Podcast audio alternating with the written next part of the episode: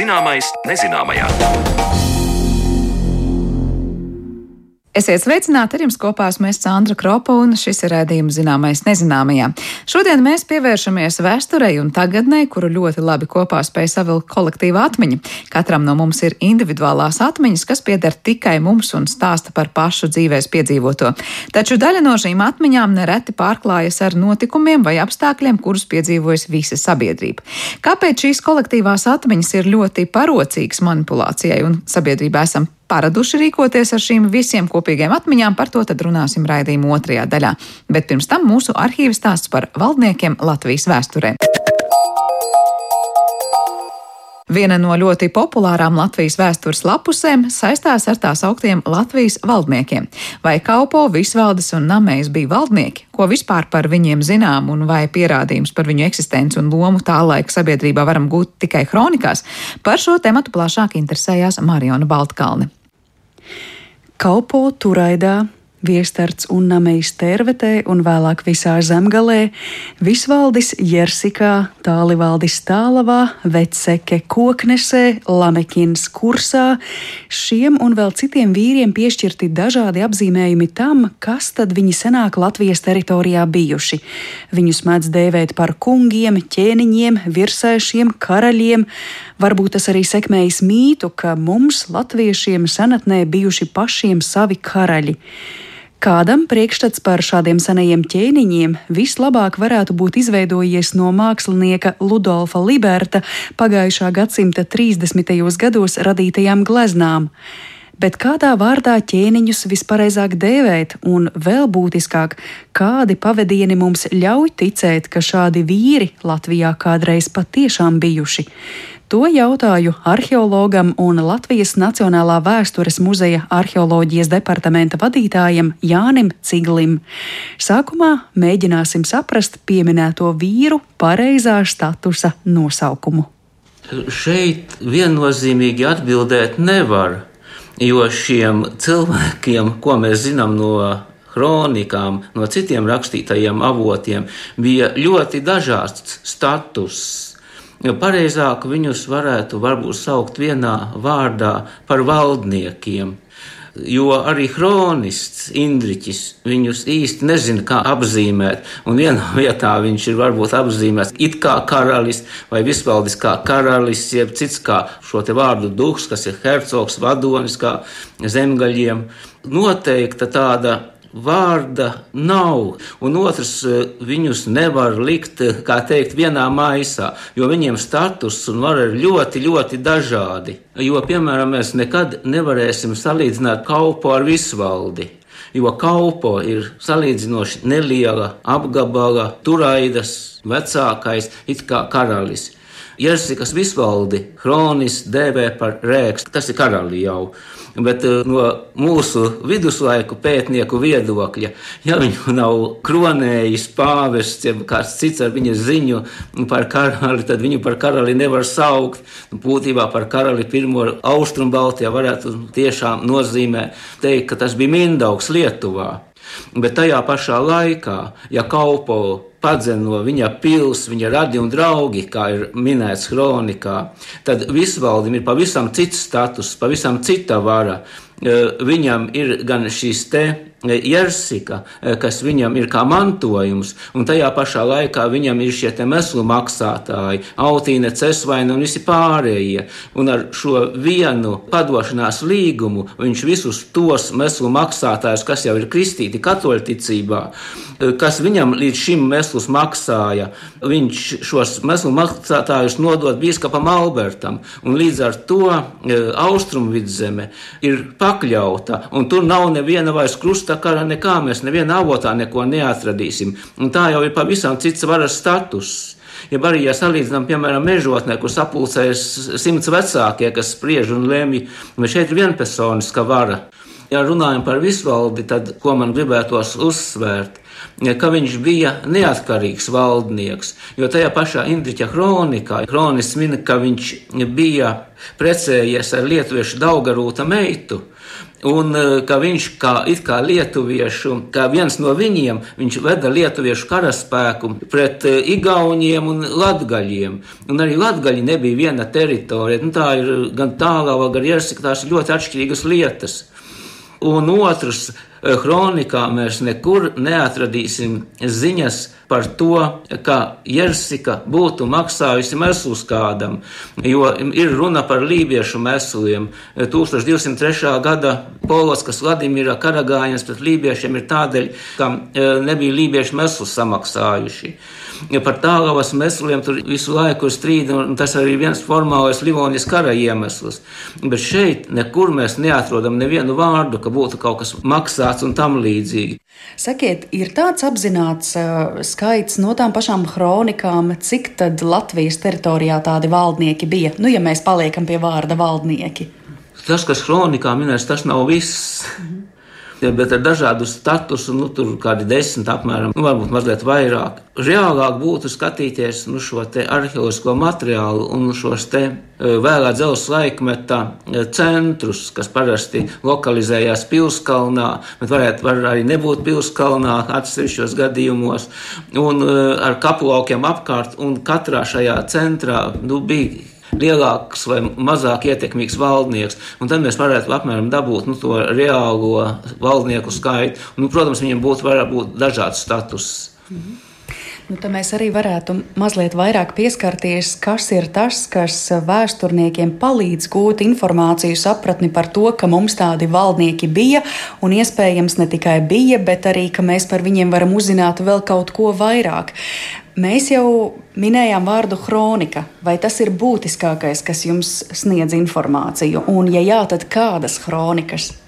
Nu, ir pamatoši tā ir Indriča Livonijas kronika un arī šie 13. gadsimta zemju dalīšanas līgumi, Jarsikas padošanās līgums, kas rāda nu, šo te teritoriālo iedalījumu. Kādu informāciju par šiem pašiem valdniekiem mums iedod kronikas tādā ziņā, vai tur ir tikai vārds minēts, vai kaut kas vairāk par viņiem, par viņu dzīvi, izskatu arī ir stāstīts? Par izskatu neko mēs nekad neatradīsim.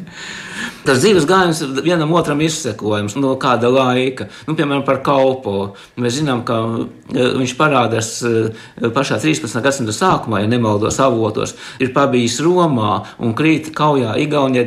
Par visvaldi mēs zinām, ka viņš bija ar lietuvieti precējies, ka e, šī te, ka Jersika viņam bija tēvu mantojums. Un pēc tam viņa dzīves gājiens ik pa brīdim viņš tur parādās. Tad ir, ka viņš ar Modines Vilhelmu tur tiekas Rīgā un vēl pāris reizes, nu kaut ko jau var izsekot. Bet miris viņš ticamāk bija, kad par viņu ziņas pazuda, ka sāk kārtot atkal šīs zemju dalīšanas lietas. Ja mēs runājām par arheoloģisko materiālu, tad eh, šī hierarhija neparādās. Un, manuprāt, ir velti meklēt eh, visvaldi ar zelta kroni vai vēl kaut ko. Pēc kronikas ziņām viņš bija pareizticīgais, un viņu apbedīja pēc pareizticīgo tradīcijām. Visticamāk, viņš varētu būt ar to pašu pakausaktu, ikdienas nu, apģērbā, jostu un, un bez ieročiem. Nezinu, vai viņu apbedīja bruņu cepurē ar visu pārējo. Jo ir tā, ka ja mēs Gotlandē 10. gadsimtā vēl 11. gadsimta sākumā varam redzēt nu, šos bagātos apbedījumus, kur ir bruņu cepures, kara draugs un pārējais. To pašu mēs varam redzēt pie Ķīvas kaut vai Austrumē, Eiropā, gar Daugavas tālāk ūdensceļu, kur ir šī kara draudzene. Tad vēlāk, 11. gadsimta beigās, 12. gadsimtā, Gotlandē tie praktiski izzūd. Un, e, tur ir apbedījumi, kuram ir pakausakta ķemme un josta. Un tas pats process iezīmējās arī gar Daugavu, kur, ja 10. gadsimtā katram latgaļu karotājam bija skramastāks divi šķēpagali un vēl cirvis klāt, bet 12. ar retiem izņēmumiem ir cirvis vēl kā šķēpagals, kas rāda to, ka šeit šī sabiedrība ir attīstījusies un kad vairs nav kā kuršiem šajā laikā, kad katrs ir karotājs, kur katram gandrīz ir šis zobens un vairāki šķēpagali, bet būtībā šo lomu spēlē visticamāk kara draudze. Un es domāju, ka arī visvaldim varēja būt, es nezinu, cik liela kara draudze. Šeit jau ir pavisam cita sistēma. Rietumu Latvijā ir viena un austrumu Latvijā būtībā otra. Un Ziemeļ Latvijā kaut kas pa vidu var būt tālavā. Nu, Kurzemē tas valdnieks varēja būt ļoti veiksmīgs karavadonis. Ja arī viestats varbūt ir vairāk kā karavadonis nekā nu, šis valdnieks var būt. Mm. Jūs jau minējāt, ka nevajag mums te visvaldi ar kroni galvā meklēt kaut kur apbedījumos, bet eh, jūsu vēsturnieku vidū vai ir bijuši kādi apzināti mēģinājumi izsekot līdzi valdnieku pēdām kādos arheoloģiskos meklējumos, un vai kādas liecības kaut ko mums vairāk pastāsta par viņiem? Oficiāli uzrakstīts tas nekur nav, ka tieši Jersikā bija 30. gados izdevumi, ka mēģina atrast nu, visvalža pēdas. 30. gados, ja Valmīra izdevumi Beverīnu meklējot. Bet uh, arheoloģiskajā materiālā parādās uh, nu, šie centri, kur ir vairāk greznuma lietu, vairāk tirzniecības priekšmetu. Nu, piemēram, Daugmule kā tirzniecības centrs izdalās, varbūt koknese vairāk izdalās nu, kā tāds uh, slāvu ietekmes centrs, kur ir šis tikko aprocis. Ir bagātāki pilskalni atradumiem un mazāk bagāti. Un spēcīgāk nocietinātie kā tērbeci kaut vai, piemēram, vai vēl kādi, nu, tur šis arheoloģiskais materiāls ir krietni bagātāks. Nu, gadās arī nedaudz, nu, nedēļas kuriozi, bet, piemēram, Jersika ir pēc nu, arheoloģiskā materiāla netik izteikts centrs kā, piemēram, asote, kas ir blakus. Un dažreiz pat jādomā, vai tiešām Jersika ir Jersikā. Nu, es neapgalvoju to, ka nav, bet uh, kaut kādas šaubas rodas. Jo mums jau vajag nolikt vēl vienu visvalža pili, nu, kas ir uh, Dignāja Dubena. Jo tā jau ir minēta nevis 13. bet 14. gadsimta avotos. Un, un tur ir Dubnas um, upe tuvumā, un otrs ir Dignāja, kas ir vāciski Dubna otrā krastā pretim. Tas man tā dažreiz liek padomāt, bet varbūt tomēr kaut kas nojucis gadsimtu gaidašiem nosaukumiem. Man arī radās jautājums, vai līdztekus visām kronikām, par ko mēs runājām, arī kaut kādās varbūt jau pasakās ienāk arī mūsu virsaiši valdnieki. nu, mēs varam viņu uzskatīt par pasaku, Aha. varbūt ne, bet ir šī Olava Trigvasona sāga. Aha. Un uh, tur ir minēts atkal nu, šis te visevaldrs ķēniņš Haralds bija grūtsirdīgs un gatavojās vēlreiz jāt uz Svērzemi, lai satiktu ķēniņieni Sigrīdu. Daudzi mēģināja viņu no tā atrunāt, bet to neievērojot, viņš devās ar daudz pavadoņiem uz to īpašumu, kurā ķēniņiene valdīja. Tajā pašā vakarā, bildināta ķēniņiene no Gardarīkas austrumos, ieradās kāds cits ķēniņš, kuru sauca Visa valsts. Abus ķēniņus ar viņu pavadoņiem novietoja kādā lielā ēkā. Tā kā tā bija dzīvojamā ēka, tad tur visu vakaru stipru dzērienu netrūka, un visi bija tā piedzērušies, ka aizmiga kā galvenie tā ārā sargi. Tad ķēniņiene Sigrīda pavēlēja naktītiem uzbrukt ar uguni un ieročiem. Ēka ar visiem, kas tajā bija iekšā, nodega. Tos, kuri izkļuva ārā, nogalināja. Sigrīda sacīja, ka tā rīkojoties, viņa grib atradināt svežzemju sīkķēniņus no braukšanas pie viņas precībās. No tā laika to sāka saukt par Sigrīdu Stūrrodi. Šī ir Olava Trigvasona sāga. Nu, protams, nu, tā ir pasaka, tā ir nu, sāga, bet tajā pašā laikā, kad tas ar visu valdu parādās islandiešu sāgās, mm tas rāda to, ka kaut kāda informācija tur glabājās. Un tas viss valda nāk no Gerderikas, tas no Krievzemes it kā. Un varbūt arī tā Jersika tajā laikā izpratnē ir arī nu, šie gerderīki. Šeit būtībā ir vairāk apzīmē šo teritoriju, nevis etnosu. Bet eh, es jums vēl gribēju pajautāt eh, par vienu liecību, kuru joprojām arī daudz Latvijas sabiedrībā nesā kā iespējamu lietisko pierādījumu kādam no valdniekiem, proti nameja gredzens. Un te nu es gribētu jautāt, no kurienes mums ir parādījusies informācija, ka iespējams tiešām virsaitim valdniekam namejam bija tāds gredzens, un vai tiešām tas tāds bija? Pirmkārt, mēs nezinām, kur ir namējis apbedīts, un arī nezinu, vai zināsim, jo nebūs pierakstītas eh, plāksnītes, te guļ namējis klāt. Mm. Un otrs ir tas, ka 30.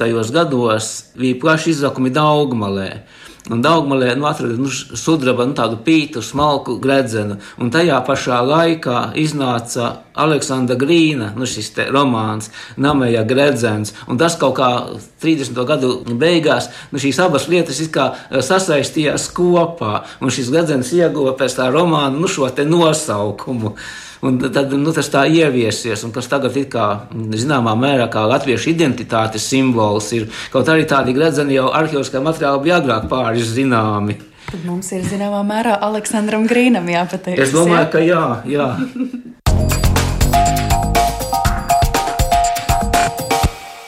Paldies Marionai Baltkalnei par stāstu. Dzirdējām arhīvu sižetu par Latvijas vēsturiskajām personībām, bet par to, kā sabiedrībā funkcionē kolektīva atmiņa saruna pēc brīža.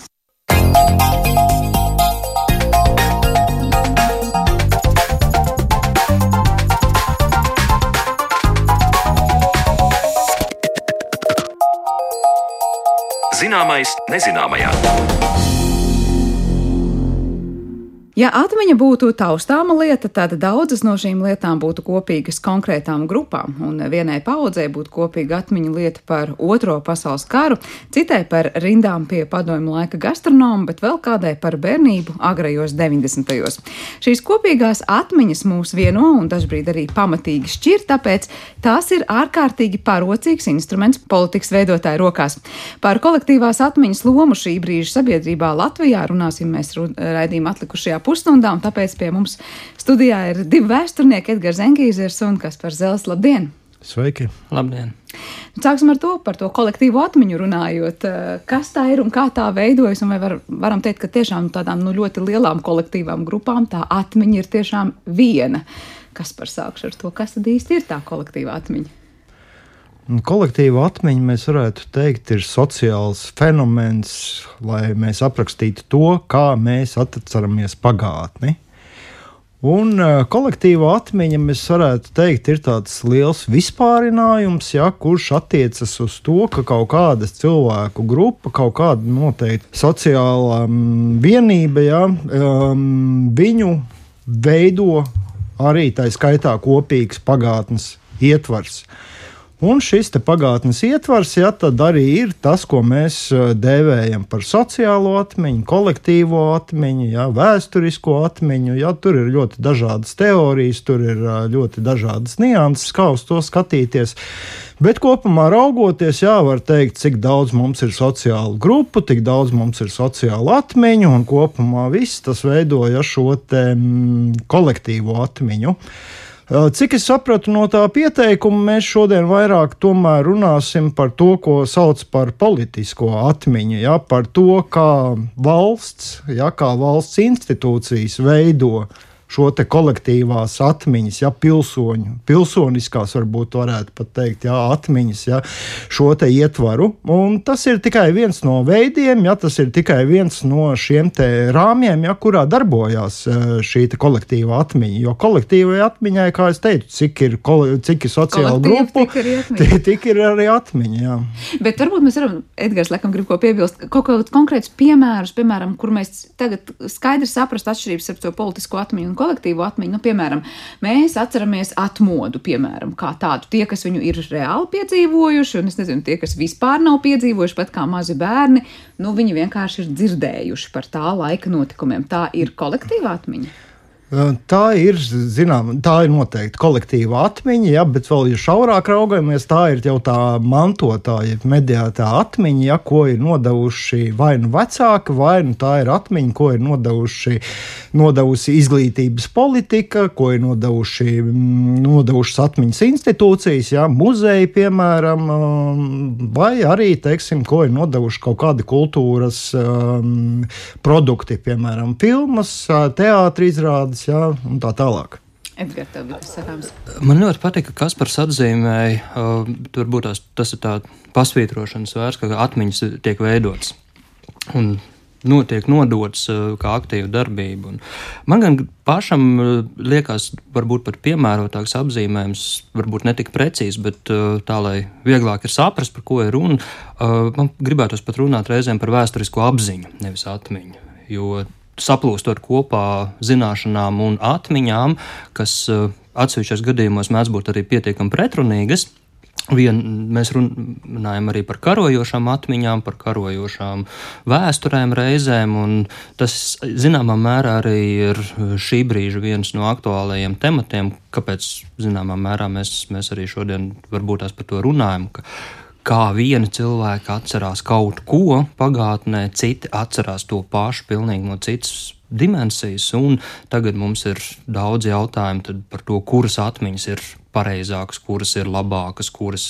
Kaspars ļoti labi atzīmēja, kas uh, prasa varbūt tās nedaudz uh, noprecizēt tās mēs, kā mēs atceramies. Un atcerēties, kas ir viens psiholoģisks fenomens, jau, jau prasa plašāku diskusiju, ko mēs atceramies un varbūt tās.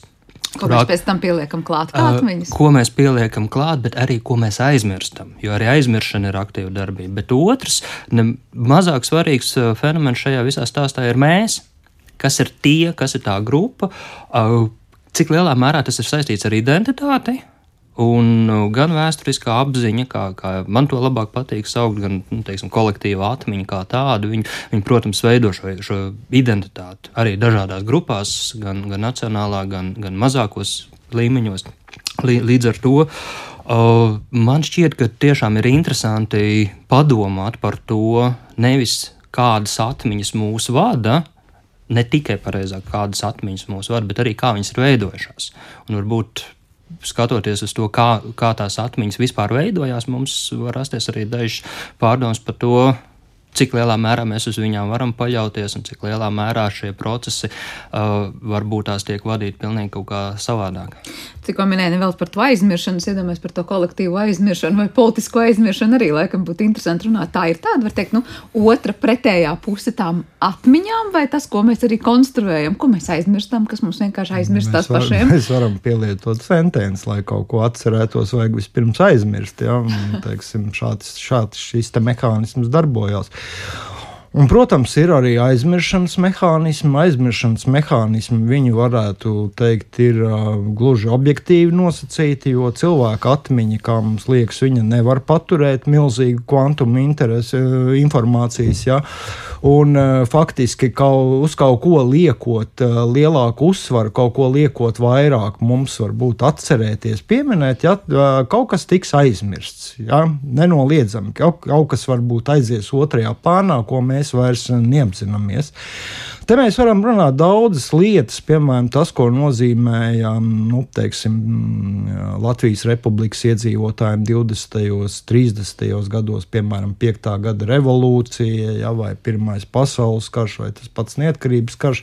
Viņš šodien ir kaut kādā veidā nu, neteiksim, galīgi aizmirsts, bet atrodas tādā saudabīgā mīkrēšļu zonā, ja, kur, eh, kur cilvēki ir aptuveni kaut ko dzirdējuši, bet tā īsti nesaprot, kā un kādā veidā par to runāt un kā ar to, to darboties. Tā ja. fonā, tā kā fona informācija. Tas paliks. nav pat brīžiem fona. Tas ir, um, tā ir informācija, ko mums bieži vien uh, parādās caur kaut kādiem, varbūt, pieminekļiem, ielu nosaukumiem, ja, bet kas netiek. Uh, netiek, netiek um, aktīvi um, komemorēts, ja tā varētu teikt. Ja? Tas ir, kur, kur netiek pakļauts rituāls. Un, ja nav, kā saka, šo te rituālu, nav piemiņas pasākumu, ja, kas nemitīgi mums atgādina ja, par šo, šī notikuma nozīmi vai vajadzību viņu atcerēties, ja, tad šis notikums vienkārši pagaist, teiksim, vējā. Viņš pārvēršas par kaut kādu nu, teiksim, neko neizsakošu, varbūt simbolu. Un šādi simboli, ja, nu, teiksim, tas, ka viņi ir apkārtējā, ja, tas ir ļoti normāla lieta. Tā ir ļoti normāla lieta, ja, jo nākot jaunām atmiņām, nākot jauniem varbūt pieprasījumiem, ja, viņas vienkārši tiek aizēnotas. Varam teikt, ka ir kaut kāds laika objektīvais limits, nu, kas vienmēr būs kaut kādi 11 gadi vai 20 gadi, kad mēs varam teikt, nu, tā ir paudze, no kuras mēs pat neprasām atcerēties tikpat, es nezinu, spilgti, nozīmīgi tos notikumus, ko, piemēram, mēs atceramies. Nu, tagad, es nezinu, atkal mēs varam teikt tiem, kuriem šobrīd ir knapi 20 gadi. Nu, kā viņi, piemēram, nezinu, nepiešķir kaut kādu varbūt lielu nozīmi kādam notikumam, ko savukārt tie, kuriem ir 40, 60 un uz augšu, piešķir. O, protams, ka tas tā ir. Un te tāda liela nozīme ir divām lietām. Pirmkārt, tas ir ģimenes atmiņā, ja, jo vispirms jau cilvēks to savu individualitāti veido ģimenē. Un caur šo ģimenisko atmiņu, ja, kas tiek nodota no paudzes paudzē, visbiežāk tas notiek no vecmā, vec, vecākiem uz mazbērniem, ja, jo parasti kas tam mums stāsta par vēsturi, ja tie ir mūsu omīši un opītes. Jā, savus jaunības piedzīvojumus stāstot, izstāstot. Rezultātā, rezultātā, ja mēs varbūt to atmiņu ar tādu vienas paudzes, kā saka, lēcienu, ja, teiksim, pārņemam no viņa. Un otrs, kas ir nozīmīgi, ir tas, ka cik lielā mērā ja, to, te, šīs te atmiņas um, tiek um, parā, parādītas un aktualizētas publiskajā sfērā, kultūrā, uh, intervijās, filmās un tā tālāk. Mm, es gribētu varbūt tās pasvītrot div, divas lietas, kā pirmkārt ir pašas personīgās atmiņas, paudzes atmiņas, tas ir varbūt pat ne to, ko cilvēks pats ir piedzīvojis, bet to, ko viņa līdzbiedri ir piedzīvojuši tie, ar kuriem viņš identificējās. Uh, otrs, uh, runājot par šo vecāku fenomenu, tas tiešām ir ļoti, ļoti nozīmīgs, jo ne tikai pagātni, bet vispār ļoti daudz lietas mēs uztveram caur emocijām.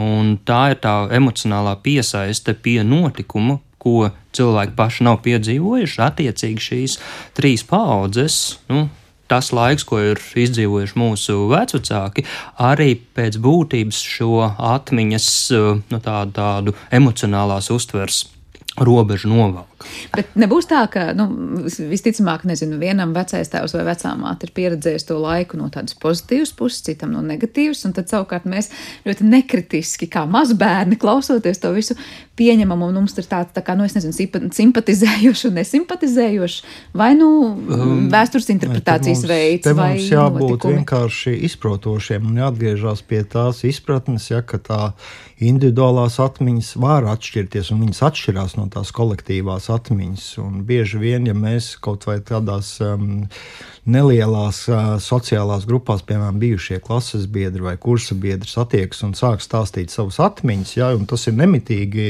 arī šai katrai grupai. Ja, atmiņu stāstīšana vienkārši ir šīs identitātes pamatošana un, un piederība savai grupai. Ja. Un tad es, piemēram, esmu novērojis, ka mani teiksim, līdzbiedri bieži vien stāsta tādas atmiņas, ja, pat par maniem, ja, kuras es neatceros. Ja, man liekas, kuras ir absolūti liekas. Un, un tās tā nav. Bet eh, te ir runa par citu, kā, kā šos individuālos, ja, jeb kaut kādu mazo sociālo grupu narratīvus sasaistīt ar lielo to politiskās vēstures narratīvu. Ja? Un tā ir ļoti liela problēma. Mēs varam iet šo autoritāro ceļu, ja, kad būtībā vai nu tu mēģini to savu stāstu dabūt iekšā šajā lielajā narratīvā, vai no arī, kā saka, tevis, tevi no vēstures vienkārši izmet, tevis nav, jā, vai arī mēs varam mēģināt uh, ar dažādiem līdzekļiem jā, padarīt šo stāstu atvērtu un katram uh, ieraudzīt sevi šajā vēstures procesā. Tam nav obligāti jābūt ar plus vai mīnus zīmi, jā, bet tam jābūt, teiksim, tādam nu, teiksim, pieredzes, pie, kā, kā, kā kaut kādai pieredžu ja, kopuma apkopojumam ja, kas tad veido kopējo mūsu stāstu ja, par to, kā mēs dzīvojām ja, nu, pirms. Bet, nu, Desmit gadiem. Nav tā, ka kaut kāda nu, jaunāku cilvēku politiskās pārliecības patiesībā nepamatot dažkārt veidojas tieši uz tādiem emocionāliem stāstiem, varbūt no viņu vecākiem, kas ir vienkārši nesasaistīts pēc tam ar to lielo politisko narratīvu, kā mēs tikko teicām. Nu, Protams, tā nekritiski pieejam tam, ka nezinu, ticam visam, ko stāsta mūsu omīts un opīši, un pieņemam to kā vienīgo patiesību, kā viņi redzēja pasauli notikumus. No, nu, būtībā līdz šim es tagad īsti nezinu, bet uh, vēstures izglītības jau tam, uh, tam, tam, tam, tā, tā, tam mērķim ir, ir jāpalīdzēt saprast to, ka tie stāsti var būt ļoti dažādi, un mēģināt izskaidrot arī to, kāpēc tas tavs dzimtas stāsts ja, īsti varbūt nesakrīt ar šo lielo stāstu. Mēs par kuru katru notikumu arī šodien, ja piemēram attieksme pret vienalga kādu notikumu, kas ir norisinājies šodien, ja mēs varam dzirdēt ļoti dažādas versijas. Un parasti, ja mēs uzspiežam tikai to vienu pareizo versiju, ja, tad mums ir nu, tieksim, pārmetumi, ja, ka atkal tiek melots, ka atkal sagrozīt vēsturi. Vēsturi, vēsturnieki sagroza vēsturi, ja, sabiedriskie mēdīji tur ir nopirkti, ja, un vispārībā viss beidzās ar satversmes oriģinālu. man, liekas, ka, man liekas, ka lielākā problēma pat ir ne tas, ka atmiņas atšķirās. Bet tas, ka caur šīm atšķirīgajām atmiņām cilvēki cenšas nodot un varbūt pat uzspiest uh, savu ļoti subjektīvo vērtējumu, kas ir labs, kas ir slikts. Jo tajā brīdī, kad mēs paskatāmies uz pagātni, kā uz objektīvi notikušu kaut kādu procesu ar ļoti dažādām perspektīvām, ļoti dažādiem līmeņiem, tur nekādas problēmas nav. Tajā brīdī, kad uh, mēs cenšamies sevi identificēt ar kādu no ļoti nelielajām grupām pagātnē, vai tie būtu mūsu vecāki, vai, vai viņu līdzgaitnieki, vai, vai tieši otrādi, varbūt oponenti. Politiskie uzskati arī ģimenes locekļu uh, vidū var ļoti atšķirties. Un, un nereti ir tieši pretējā šī kustībai, ko tu, ko tu vecais stāstīji. Mēs domājam savādāk, mūsu vērtības ir citas. Līdz, līdz ar to tas arī nav tik viennozīmīgi, bet, protams, lielākoties ģimenes stāsti uh, veido šo vērtību orientāciju un, un tā pieredze papildus tam arī skolas, arī, arī kā Kaspars teica, šī, šī publiskā politiskā retorika, komemorācija, tēmas, kas kultūrā parādās, kas viss kopā veido šo, kā es saku, vēsturisko apziņu un papildina atmiņu. Jo, jo pēc būtības, ja mēs skatāmies, tad šis jautājums, kā atmiņa veidojās, viņš ir, viņš ir ļoti sarežģīts, ļoti daudzslāņains, kur, kur ģimene ir viens ļoti būtisks faktors un šie, šie dzimtas stāsti. Otrs ir tuvākā apkārtne, kultūras vide, sevišķi, ja mēs paskatāmies, ja tā ir Rīga, tad kā apgājums veido savu identitāti, sevišķi šobrīd ļoti aktīvi, vai ja tas ir ārpus Rīgas, tad, tad uh, pagasta novada kultūras process, kas īstenībā arī ļoti bieži nonāk zināmā mērā pretrunā vai ar nacionāla līmeņa stāstiem. Kur kā, kā tāds spilgts piemērs ir mums no nacionālās, mm, nu, teiksim, tā, no tā lielā stāsta pēc būtības ir pazuduši vācu baltieši, kā nozīmīga sociāla grupa, kā nozīmīgs vēsturisks process. Savukārt, jebkuru novadu līmenī mēs skatāmies, ka Vācu baltiešu dzimtas, mūžas, baznīcas ir īstenībā viens no galvenajiem saistošajiem elementiem. Līdz ar to arī, arī šīs atmiņas tajā brīdī, kad mēs runājam par lieliem vēsturiskajiem, valstiskajiem procesiem, viņas var būt atšķirīgas, kad mēs runājam par mazajiem, pietuvinātajiem, ģimeniskajiem procesiem. Papildus nāk skola, ko mums māca, par ko mēs runājam skolā, kas ir svarīgi, kas nav svarīgi. Tie paši jau, kas par arī pieminētie pieminekļi. Uh, man ļoti patika Vits Zelčs komentārs saistībā ar Andreju Upīti, ka uh, nozīmīgs rakstnieks, nozīmīga persona savā laikā, bet cik daudz no jums ir pēdējā laikā viņa darbus lasījuši? Vai tāpat Anna Saks. Uh, šobrīd tie nav ne pirktākie, ne arī bibliotekās pieprasītākie darbi. Līdz ar to tas, ko mēs domājam, kas ir svarīgs pagātnē, kas pie mums nonāk caur pieminekļiem, caur kultūras procesiem, caur atmiņas aktīv, aktīviem procesiem, ir viens stāsts, bet otrs, ko cilvēki reāli At, atcerās un par ko domājam. Pielieto, kas veido viņu šo izpratni, ir pilnīgi kaut kas cits. Bet var teikt, ka, piemēram, tie paši pie, piesauktie pieminekļi vai ielu nosaukumi, tas ir veids, kurā vai nu nu, ietekmē to, ko mēs atcerēsimies, un kas mūsuprāt ir svarīgi likt domāt, ka ir jāatcerās. Vai tā ir tāda arī manipulācijas veids, nu, ko tad kolektīvi atcerēsimies, ko aizmirsīsim? Vai tam, jūsuprāt, nav vispār tik ļoti noteicoši? Es viņu vairāk traktētu, ka tas ir tāds saudabīgs, varbūt atmiņas āķis. Ja? Tas it kā tev neko nepasaka, un bieži vien tu pa ielu ejot īsti neapzinājies, kam tā iela ir nosaukta, vai tas piemineklis, kas tur stāv. Ja? Kam ir, tas kam, ir? Ja? Kam tas vispār ir? Ja?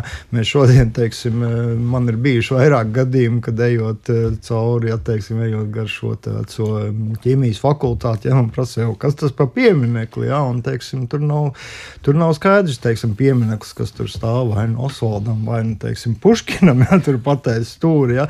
Ļoti daudz vienkārši nezina to lietu, un tas nav, nav tā, tā, tā nav lieta. Ja. Bet, kā varētu teikt, ja, tas ir saudabīgs āķis, āķis, ar kuru ir iespējams aktualizēt atkal atmiņu ja, par, par šo lietu. Jo re, kur mums jau piemineklis ir, mums jau iela ir, ja mēs tikai to to, to vairāk vai mazāk teiksim, uzsveram un spējam ja, kaut kādā veidā. Tas ir pamats, kapitāls, ja mēs tā varētu teikt, ja, tālākai rīcībai ar atmiņu. Man šķiet, ka tas īstenībā ir ļoti efektīvs atmiņas politikas instruments. Jo kā, kā tādu spilgtu piemēru es gribētu minēt Firsa Sadovņikovu ielu. Ka, ja nebūtu šī iela, nu, ielas nosaukuma, es domāju, ka neviens pat uz tās ielas dzīvojošie nezinātu, kas tas Firsa Sadovņikovs bija un kāpēc viņš Latvijas un Rīgas vēsturē ir bijis nozīmīgs cilvēks. Līdz ar to es negribētu novērtēt par zemu šī, šī instrumenta būtību, un nevelti arī, ja mēs paskatāmies.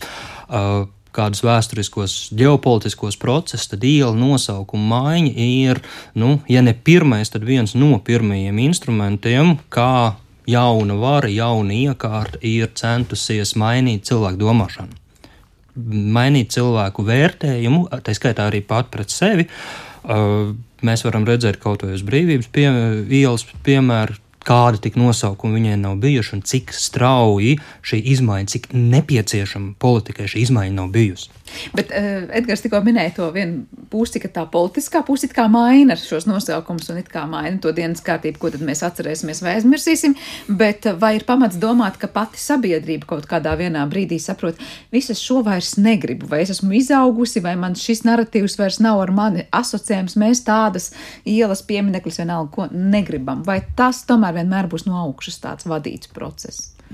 Nu, es gribētu teikt, ka šobrīd demokrātiskā sabiedrībā izaugušā paudze, un mēs kā demokrātiska sabiedrība neapšaubāmi vadamies pēc šī principa. Tā skaitā arī politiskā aktualitāte, nu, viņa jau mums mainās reizes četros gados, ko sabiedrība ievēlta saimā, kas kļūst par ministriem, viņi jau arī nosaka šo. Līdz ar to demokrātiskā iekārtā es teiktu, ka tas ir daudz ciešāk saistīts ar sabiedriskajām izmaiņām. Autoritārismā tas Tas, protams, ir pilnīgi savādāk. Nu, tur ir skaidrs, jā, kas param cits viedoklis. Nē, nu, viņš varbūt nav, bet redzēt arī to attiecināt, ka tagad sabiedrība, tas ir tā sabiedrība pieprasa, sabiedrība domā, tas jau ir tāds manipulējošs savā ziņā uzstāts. Ja, ja mēs skatāmies, ja tad sabiedrība zināmā mērā uh, ir tāda noraid, nogaidoša, un bieži vien viņai tie pieminekļi vai ielu nosaukumi neko īpaši neizsaka. Ja?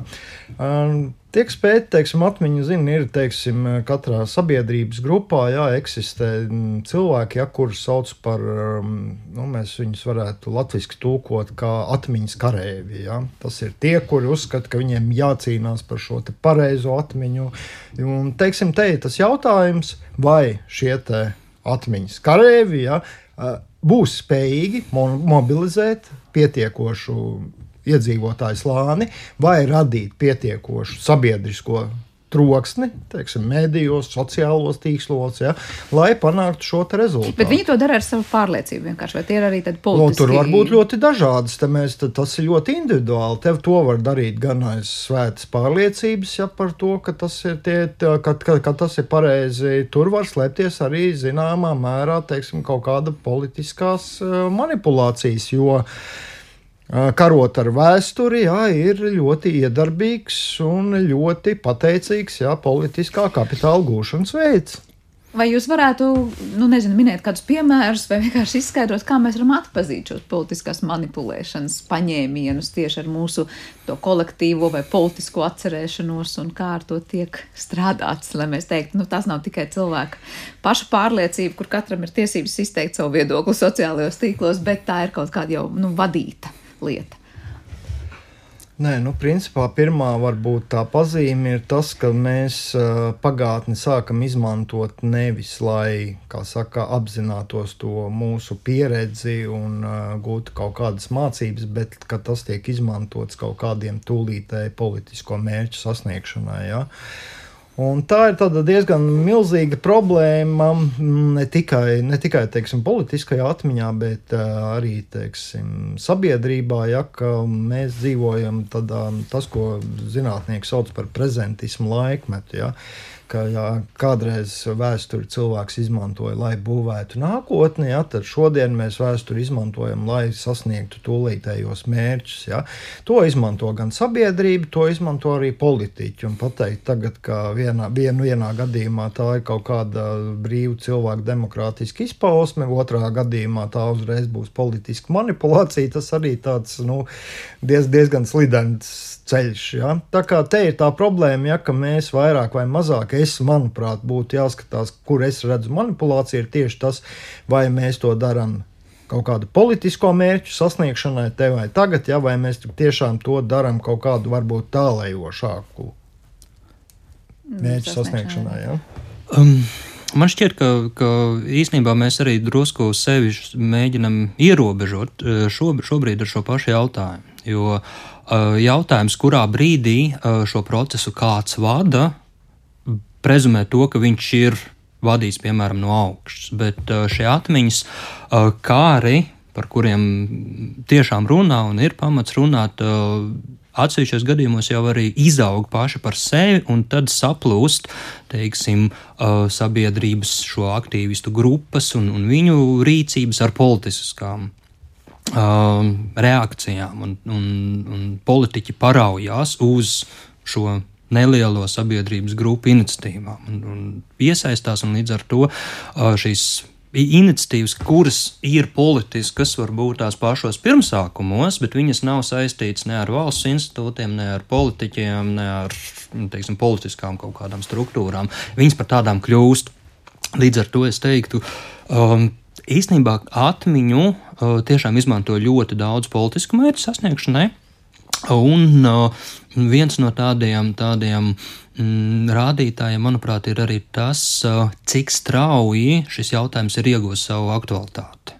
Jo, ja 30 gadus tas nav bijis aktuāli, un pēkšņi divu nedēļu laikā mēs tikai par to vien runājam, nu tad varbūt tās, tas ir tāds maziņš sarkans karodziņš, lai padomātu, kāpēc Mums, mēs par to runājam, un kāpēc mums par to būtu jārunā.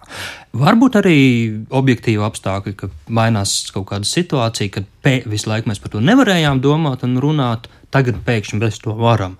Tā, tas arī nav tik viennozīmīgi. Uh, un otrs, ko es uh, arī gribē, gribētu atzīmēt, ka uh, mēs esam varbūt tās arī, arī mm, ieaudzināti un, un, un trenēti domāt, ka, ka ir procesi, un nu, acīm redzam, viņus arī, arī vada un, un centralizēti, kur ļoti daudz no šiem procesiem viņi, viņi rodās, uh, vadās paši, uh, pieslēdzoties uh, atsevišķiem cilvēkiem, kas tur atkal saredz savu labumu. Uh, no aktīvas darbības, uh, un uh, es teiktu arī tagad, uh, kad runā par atmiņu, kā ideoloģijas nodošanas vai, vai kā ģeopolitiskās orientācijas um, parādīšanas, izrādīšanas veidu, gan arī kā propagandas sastāvdaļu. Nenoliedzami tas arī ir saistīts ar, ar ļoti tādiem politisku vēstījumu un politisku vērtību nodošanas mēģinājumiem. Tur es teiktu, ka daudz efektīvāk un daudz uh, vairāk var redzēt uh, decentralizētus procesus. Nu, teiksim, uh, bija savu laiku uh, sabiedrisko lietu ministrija, kas arī Latvijā vadīja šos lielos stāstus, par ko cilvēki runā. Tas tāpatās arī kā, kā, kā medijos. Nu, tad, kas ir tie temati, ko mediji aktualizē? Tas nav brīvās sabiedrībās. Kad... Pašlaik noraksturoju to, ko Latvijā pašlaik sauc par strateģisko komunikāciju. Jautājums par to, kur propaganda atšķirās no strateģiskās komunikācijas, arī ir zinātnieku uzmanības lokā, kur vairākas anekdotas par šo ir tapušas, bet komunikācija vai viņa ir taktiska, vai viņa ir strateģiska. Tieši tāpatās arī kā vārds propaganda. Nu, savulaik tas bija pilnīgi normāls apzīmējums tam, ko šobrīd sauc par reklāmu. Un, ja mēs atveram simtgadīgas avīzes un lasām par veselīgu dzīvesveidu propagandu un atsevišķu produktu propagandu, lietošanas propagandu, velobraukšanas propagandu un tam līdzīgi, un tā joprojām. Mēs... Nu, tas mazliet citādāk nekā mēs šobrīd skatāmies mēs... to, ko tur tā nav, propaganda tur, vēsta. Tur ir atšķirības, to ir mēģinājuši skaidrot, ja, jo propaganda parasti mums piedāvā produktu, ko mēs nekad nepie, ne, nevaram pārbaudīt un visticamāk nekad nepiedzīvosim. Ja. Savukārt reklāma mums piedāvā produktu, kuru mēs varam paņemt, pārbaudīt. Jau, un tieši tad... uz to orientēt, lai mēs to darītu. Bet par to propagandu iesākto, protams, te atsevišķi stāsts ļoti interesants par šo strateģisko komunikāciju un propagandu, par kur noteikti būtu vērts parunāt kādā citā reizē. Es iedomājos, nu, tas normālais process, kas no vienas puses notiek, tā kā mēs runas sākumā teicām, kaut ko aizmirstam, kaut ko uzslāņojam, tām atmiņām laiks iet, notikumi mainās, mūsu pārliecības mainās. No vienas puses ir tas dabiskais process, sauksim to tā, kā tā atmiņa mūsos, nu, nezinu, pārmainās un dzīvo visu mūsu dzīvi. Tajā pašā laikā propaganda jau ļoti veiksmīgi var izmantot to, ko mēs pēkšņi atceramies, vai ko mēs pēkšņi aizmirstam, vai kas mums liekas tomēr pamatots un mazāk pamatots. Cik ļoti lielā mērā propaganda var ietekmēt to, ka mums liksies, mēs paši sākām tā atcerēties, tā aizmirst, tādas pārliecības sevī veidot, vai tomēr tā atmiņa mums pasargās no tā, ko tā propaganda mēģina mums iestāstīt. Viņa zināmā mērā, teiksim, ja mēs skatāmies uz tā, tiem pētījumiem, ja, kas ir tapuši piemēram par paudžu atmiņu, ja, tad eh, viņi pirmajās paudzēs uh, pasargā. Un viņi faktiski veido to, ko sauc par to pretatmiņu, ja, vai kontraatmiņu, ja, kas mums, piemēram, raksturīgi Latvijā padomju laikos, ja, kad uh, viena lieta ir tas, ko mums stāstīja propaganda, ko stāstīja mācību grāmatas, un otra bija teiksim, šī reālā ģimeņu atmiņa, ja, kas tika stāstīta teiksim, virtuvēs ja, vai radu sajietos, ja, kur mēs dzirdējām pavisam citus jau narratīvus. Um, bet šeit ir tā lieta, ja, ka nomainoties paudzēm un paudzēm, uh, rodoties jau paudzēm, kurām nav nekādas reālās saistības ar šo pagātni, ja, tas pārvēršas par tādu teiksmainu senatni, ja, un uh, bieži vien to var aizmirst. Ja. Um, teiksim, bija pētnieki, kas bija pētījuši Igaunijas uh, pieredzi. Um, Igaunijas pieredze un viņu secinājums bija tas, ja teiksim, 80. gadu beigās nebūtu nācis šis atmiņas bums un šī, te, šī te atmoda, ja, tad visticamāk, ja jaunā paudze, ja tas, kas nāk jau vēlāk, viņiem šī, te, šie te stāsti par zaudēto, par zaudēto Igaunijas ja, teiksim, neatkarību un stāsti, kas, nu, kā mums varētu teikt, ļoti līdzīgi tam, kas kādi bija Latvijā, ja viņi tiktu pazaudēti šī pa, paudze būtu jau zaudēta.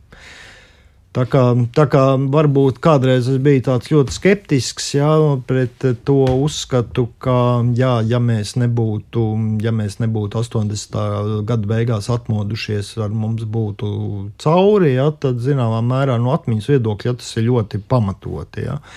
Un šajā gadījumā, lai arī kā cilvēks uztvēra ja, šo padomu ideoloģiju, un padomu ideoloģiju viņš absolūti neuztvēra tā, kā mums šodien liekas, ja, teiksim, nekritiski, ja, tas tā nebija, ja, bet šī saikne ar atmiņu, ja, viņa tiktu pazaudēta. Mums ir jāatcerās arī viena lieta, ka vēsture, ja, tas, eh, vēsture, tas ir tā kā Edgars teica, ja tā objektīvā realitāte, kas ir notikusi kaut kad pagātnē, ja mēs viņu mēģinam apzināties, bet atmiņa tā nav vēsture. Atmiņa jau ir faktiski pavisam cits stāsts par to, kā mēs izmantojam šo vēstures stāstu, ja teiksim, šodien.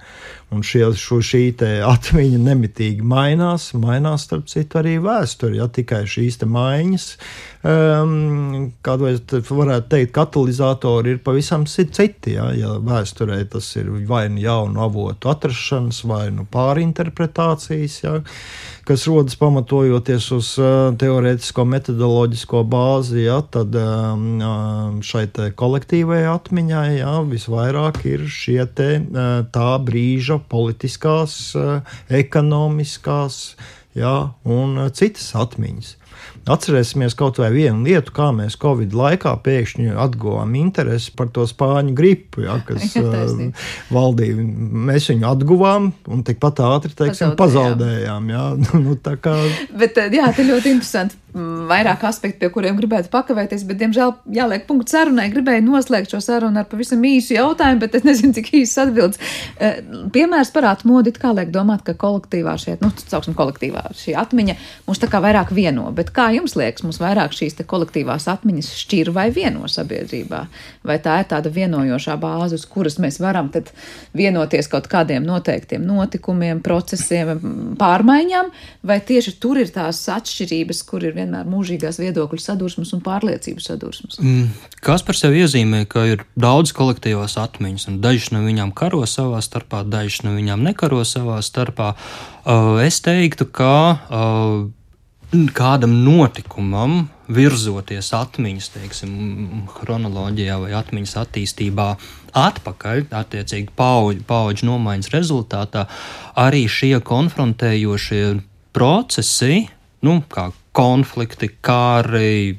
Tas pats stāsts par barikādēm, uz kurām bija visi, bet viena daļa bija arī otrā barikāžu pusē. Eh, viņi zaudē savu aktualitāti. Un līdz ar to arī eh, tajā brīdī, kad eh, šis teiksim, tā, vēstures stāsts nonāk jau tādā mitoloģiskā izpratnē, kā tad šī konfrontācija samazinās. Un mēs tagad arī varam redzēt, ka Nu, es neņemšu otro pasaules karu kā piemēru. Es, es varbūt varu var minēt brīvības cīņas vai, vai Pirmo pasaules karu kā piemēru, kurš ir zaudējis savu aktualitāti jau nomainoties paudzēm. Tāpat tās arī tagad, mēs, ja mēs paskatāmies uz jauno paudzi, skolēniem, studentiem, viņiem uh, arī tas otrais pasaules karš, par ko mēs visu laiku runājam, tikai pēc būtības viena iemesla dēļ, un tas ir ģeopolitisks iemesls, tāpēc, ka viena no atmiņu kopienām, atmiņu sociālām grupām šo, šo stāstu ir padarījušas par ideoloģiskas identitātes stāstu, bet mēs paskatāmies Eiropā, otrais pasaules karš, viņš nevienu neaizskar. Viņš nevienu netrigerē emocionālā ziņā, ka tas ir ļoti tālu atpakaļ, un uh, mūsdienu jaunatnei uh, vecāku paudze, nu, tas ir jau ir vecs. Vecvecāku, vecvecāku stāsts, kurš ir tikpat uh, tālu atpakaļ kā mamuti un dinozauri, un, un viņš uh, nerada šo emocionālo saspīlējumu. Lielas paldies jums abiem par šo sarunu, un es atgādinu, ka vēsturnieki Edgars Zenkīzers un Kaspars Zelis šodien viesojās mūsu raidījuma studijā. Mēs tiekamies jau pavisam drīz. Visu labu!